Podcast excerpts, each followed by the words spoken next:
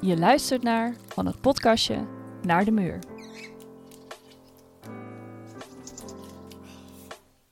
Een serie waarin ik samen met makers en organisaties uit de gezondheidssector de ruimte voor ontwerp verken binnen het thema gezondheid. Mijn naam is Marleen van Bergijk. Ik ben sociaal ontwerper en ik hou me bezig met vraagstukken die gaan over gezond en sociaal samenleven en samen zorgen.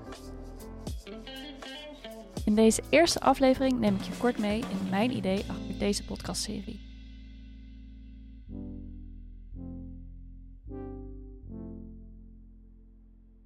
Het is tijd voor een transitie naar gezondheid.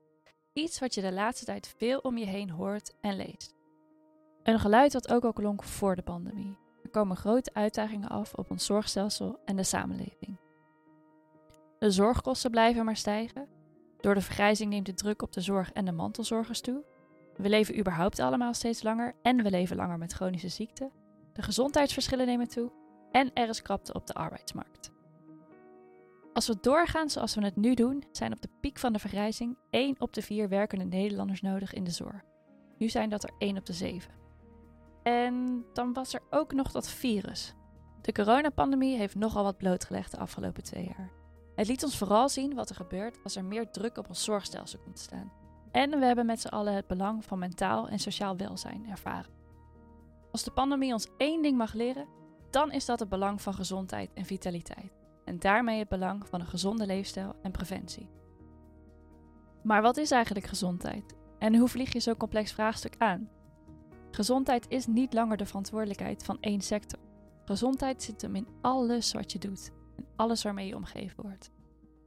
Er is moeilijk één probleemeigenaar aan te wijzen en laat dat het nou lastig maken ook geen gericht eigenaarschap voor de oplossing. Want ja, kunnen we eigenlijk verantwoordelijk zijn voor onze gezondheid? Kunnen we als individu op tegen een wereld die overmatig is ontworpen om van ons luie consumenten te maken? We worden verleid om zo lang mogelijk op onze scherm te scrollen. We bestellen het eten toch maar even makkelijk vanaf de bank. En ieder vergeten boodschapje staat met een flits voor de deur. En ons werk en onze werkplekken zijn zo ingericht dat we de hele dag zitten, met weer dat scherm. Tijd dat we de wereld om ons heen benaderen vanuit een gezonde bril. Het is tijd voor een echte focus op gezondheid en preventie. Ik neem je mee van het podcastje naar de muur. Ik ontwerp al een tijd voor het thema gezondheid en welzijn.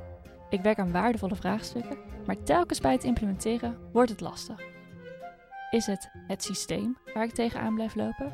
Heb ik niet de juiste ingang of niet de juiste samenwerkingen opgetuigd? Soms zijn simpelweg de budgetten op. Het traject was slechts een pilot. Waarom is het toch zo moeilijk om echt verandering op dit gebied te bewerkstelligen? Tijdens de Dutch Design Week in 2019, op een event over ontwerp binnen de gezondheidszorg, sprak Erik Gerritsen, toenmalig secretaris-generaal van het ministerie van Volksgezondheid, Welzijn en Sport. Zijn uitspraak bevestigde mijn gevoel. Uh, en wij hebben de designers nodig om de grote vraagstukken uh, uh, in de zorg op te lossen. Dan hoor je als je met designers praat dat ze moeilijk binnenkomen.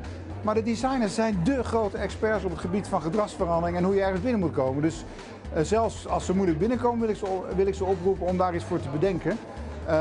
dus nogmaals, we hebben grote vraagstukken. De zorg wordt duurder, we worden allemaal ouder en zieker. Het aantal mantelzorgers neemt toe, de arbeidsmarktkrapte neemt toe. En daar kunnen we ons alleen uit innoveren. We moeten ook veel meer naar preventie en, en, en gezonde leefstijl. En ja, daar, daar kan het design denken uh, een belangrijke rol in spelen. En, en, en ik vraag dus ook aan die designers, pak die rol, neem die verantwoordelijkheid. En blijf niet wentelen in, wij willen wel, maar we komen niet binnen of we worden niet gehoord. Want daar moet je toch als designer juist een oplossing voor hebben. Nou, daar zijn we dan. Ik heb iets bedacht. Tijd voor een gesprek over hoe ontwerp kan bijdragen aan deze transitie naar gezondheid, preventie en vitaliteit. Iets waar ik als social designer mijn missie van heb gemaakt. Maar hoe? Van het podcastje naar de muur is een knipoog naar deze zoektocht, midden in een wereld die hevig wordt gedomineerd door bureaucratie en efficiëntiedrang. Om echt tot preventie te komen liggen op dit moment de financiële prikkels verkeerd. De focus op de mens zijn we onverhoopt kwijtgeraakt, terwijl gezondheid nou juist gaat om gedrag, begrip, empathie en de interactie met en in je dagelijkse omgeving. Gezondheid speelt zich vooral af buiten de muren van de zorg- en gezondheidsinstellingen.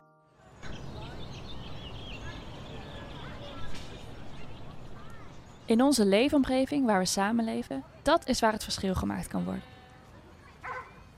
In je dagelijkse omgeving maak je gezonde dan wel ongezonde keuzes.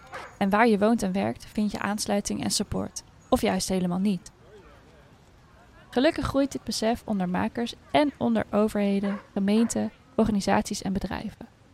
Gezondheid wordt steeds breder benaderd. Ontwerp kan bijdragen aan de transitie naar een gezonde samenleving door menselijke waarden naar boven te halen en nieuwe mogelijkheden te verbeelden en uit te proberen. En met creatieve oplossingen gezondheid toegankelijk maken op een manier die past bij de persoon en dienstomgeving.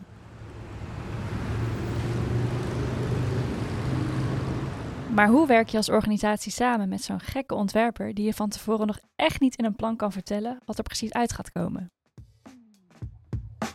Nou, ik denk dat hier dus de kracht van design en uh, ontwerpen om de hoek komt. Want je vanuit, redeneren vanuit technische mogelijkheden, dat is wat er vaak gebeurt. Oh, we denken dat het misschien efficiënter is dat mensen via dit systeem iets kunnen invoeren. Maar ontwerp begint gewoon bij de vraag, maar welk probleem lossen we hier nou eigenlijk op? En hoe bouw je als organisatie ruimte voor experiment en onzekerheid? En wat levert het je op?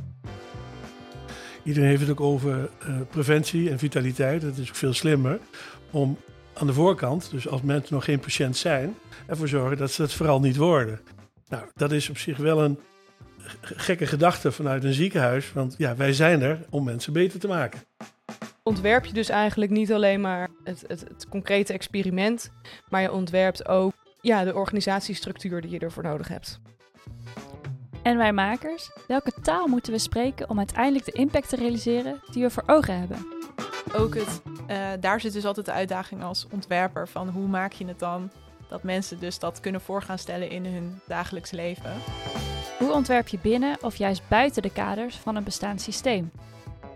Waar ik mee bezig ben is eigenlijk heel erg naar dat ecosysteem. Hoe kan je nou vanuit het bestaande ecosysteem, wat gewoon ja, best wel geïnstitutionaliseerd is in de zorg, um, hoe kan je nou eigenlijk vernieuwing tot stand brengen en hoe kan je dat met elkaar samen doen?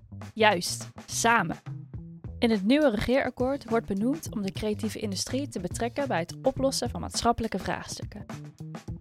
Leer mee van de makers en organisaties die ik spreek die samenwerken rondom het thema gezondheid. Schenk de koffie maar vast in en luister mee. Of nog beter, loop een ommetje met deze podcast in je oor en doe ook je stappenteller een plezier. Deze serie is een initiatief van sociaal ontwerper Marleen van Bergij. De serie is mogelijk gemaakt door Stimuleringsfonds Creatieve Industrie.